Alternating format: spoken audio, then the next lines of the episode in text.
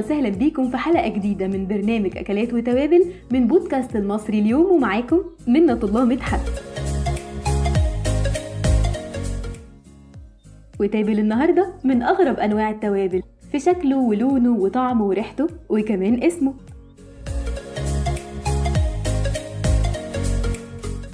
هتقولولي طب إيه اللي يجبرنا إن إحنا نتعرف على التابل الغريب ده؟ هقول لكم فوائده العظيمة. لكن قبل ما أقول لكم فوائده مش تعرفوا هو مين؟ هو تابل الحلتيت. أيوه الحلتيت.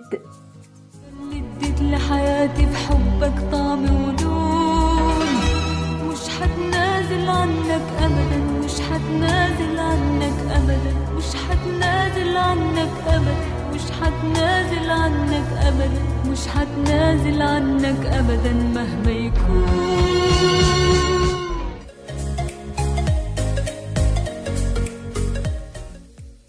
اتعرف الحلتيت من آلاف السنين لكن موطنه الأصلي في العراق وأفغانستان. أكتر الأماكن شيوعا ووجودا الحلتيت فيها هو الهند ودول شرق آسيا. يستخرج الحلتيت من جذور نباته الحي كصمغ. الصمغ ده بيتجفف ويتطحن ويتحول لمسحوق لونه أصفر. فبالنسبة لطعمه فهو لذع ومر. وبالنسبة لريحته فهي كريهة. لكن استنوا عارفين ليه ريحته مش قد كده؟ عشان هو غني بالمركبات الكبريتية. ودلوقتي بقى هنجاوب على السؤال اللي كان في أول الحلقة. إيه اللي يصبرنا على كل ده؟ اللي يصبرنا هو فوايد الحلتيت يلا بينا مع بعض نتعرف على فوايد الحلتيت صبري عليك طال طال واحتار فيك أمري. وللحلتيت أسامي كتيرة من ضمنها أبو كبير والخيل وكمان أزيل فبيستخدم الحلتيت في العلاج والأطعمة والمشروبات وبيدخل كمان في الصناعات التجميلية. فمن الناحية العلاجية مشاكل التنفس والحلق والربو والهضم وحصوات الكلى الهستيريا والاضطرابات العصبية واضطرابات المعدة والغازات المعوية والتهابات الشعب والتهابات القولون العصبي وفي فترة الدورة الشهرية. وبالنسبة للمأكولات والمشروبات فمسحوق الحلتيت أول ما بيتحط على النار بتتحول ريحته من ريحة غير مقبولة لريحة ما بين خليط آه، الكرات وكمان التوم فبيستخدم كبديل لأن إحنا أصلا نحط توم أو بصل. وده بسبب إن الريحة بتكون متشابهة ليهم فمفيش داعي لوضعهم. فبيستخدم للأطعمة والمشروبات كتوابل ومنكهات. الغريب كمان إن هو بيدخل في الصناعات التجميلية.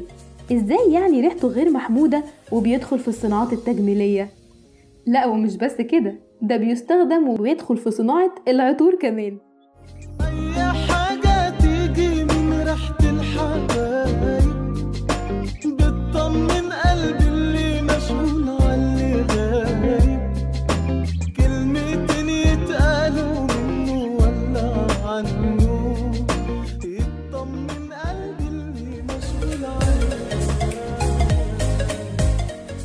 فمثلا فوائده للبشرة والشعر.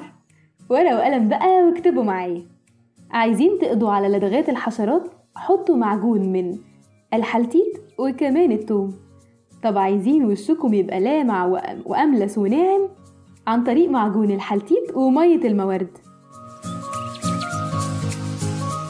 طب بالنسبة للشعر بيفيد الشعر جدا وبيزود من وجوده وكمان لمعانه ونعومته وطوله. وده عن طريق الحلتيت مع الزبادي. كمان الحلتيت بيستخدم كعطر لتنفير الكلاب والحيوانات البرية. ودي كانت إحدى فوائد الحلتيت طبعا إحنا عارفين كل حاجة لما بتزيد عن حدها بتتقلب لضدها. فلو أفرطنا من استعمال الحلتيت هيجيب نتيجة عكسية. فمثلا لو استخدمناه كتير هيؤدي لتورم الشفايف وطفح جلدي وكمان إسهال. ألف سلام عليك يا حبيبي يا حياتي تسلمي وبعد الشر عليك. أنا روحي وعمري فداك يا حبيبي دي الدنيا ولا تسوى دمعة من عينيك. أما دلوقتي بقى فجا ميعاد أكلتنا اللي الحلتيت فيها البطل. اسم الأكلة بتاعتنا سمبوسة هندية بالحلتيت. وعلشان ما تكلمش كتير بينا على المقادير. أولا مكونات العجينة. 3 كوبايات دقيق وربع كوباية زيت معلقة سكر ورشة ملح وما ننساش ماء العجينة خمس بطاطسات متوسطين ربع حزمة كزبرة مفرومة وما بين سبع لتمن ورقات كاري. معلقتين كبار من الجنزبيل ومعلقتين كبار من الثوم ومعلقتين كبار من المصالة. والمصالة دي مجموعة من التوابل الهندية المشهورة واللي بيعرفها أي عطار. معلقة صغيرة من الكمون المطحون ومعلقة صغيرة من الكمون الحب ومعلقة صغيرة من الكزبرة الناشفة. معلقة صغيرة من الخردل معلقة صغيرة من الكركم ومعلقة صغيرة من الفلفل الحار البودرة. وأخيرا ربع معلقة صغيرة من الحلتيت كده خلصنا المقادير ونقول مع بعض طريقة التحضير. نجمع المواد الجافة زي الدقيق والسكر والملح ونقلبهم كويس جدا مع بعض.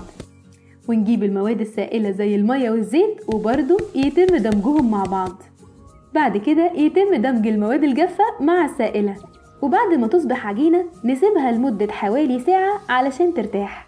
وعقبال ما ترتاح العجينة هنسلق البطاطس ونقطعها لمكعبات. وفي طاسة على النار نسخن الزيت ونضيف ليه الجنزبيل والثوم وجذور الخردل والكمون والكاري.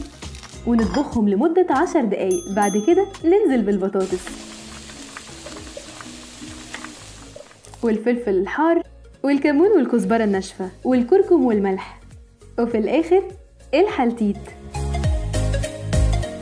ولمدة عشرين دقيقة على نار متوسطة هفضل أقلب. وبعد العشرين دقيقة ما يخلصوا منساش أحط الكزبرة المفرومة ونقلب ونطفي. وبكده حضرنا الحشو. فاضل لنا لف عجينة السمبوسة.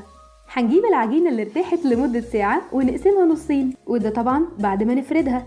هنبل الطرف اللي فوق بالمية عشان يسهل إغلاقه. وبإيدينا اليمين هنلف الجزء اليمين وبإيدينا الشمال هنلف بقية العجين لحد ما تبقى شبه القمع. داخل القمع ده بقى بنحط الحشو بتاعنا. وما ننساش نعمل للعجينة قاعدة علشان نقدر إن إحنا نوقفها عليها.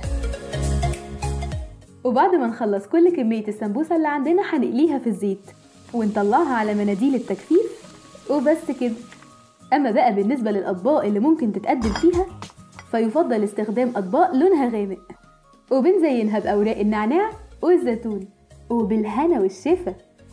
ودي كانت قصة الحلتيت. استنونا إن شاء الله في الحلقة اللي جاية مع تابل جديد وأكلة جديدة من برنامجكم أكلات وتوابل.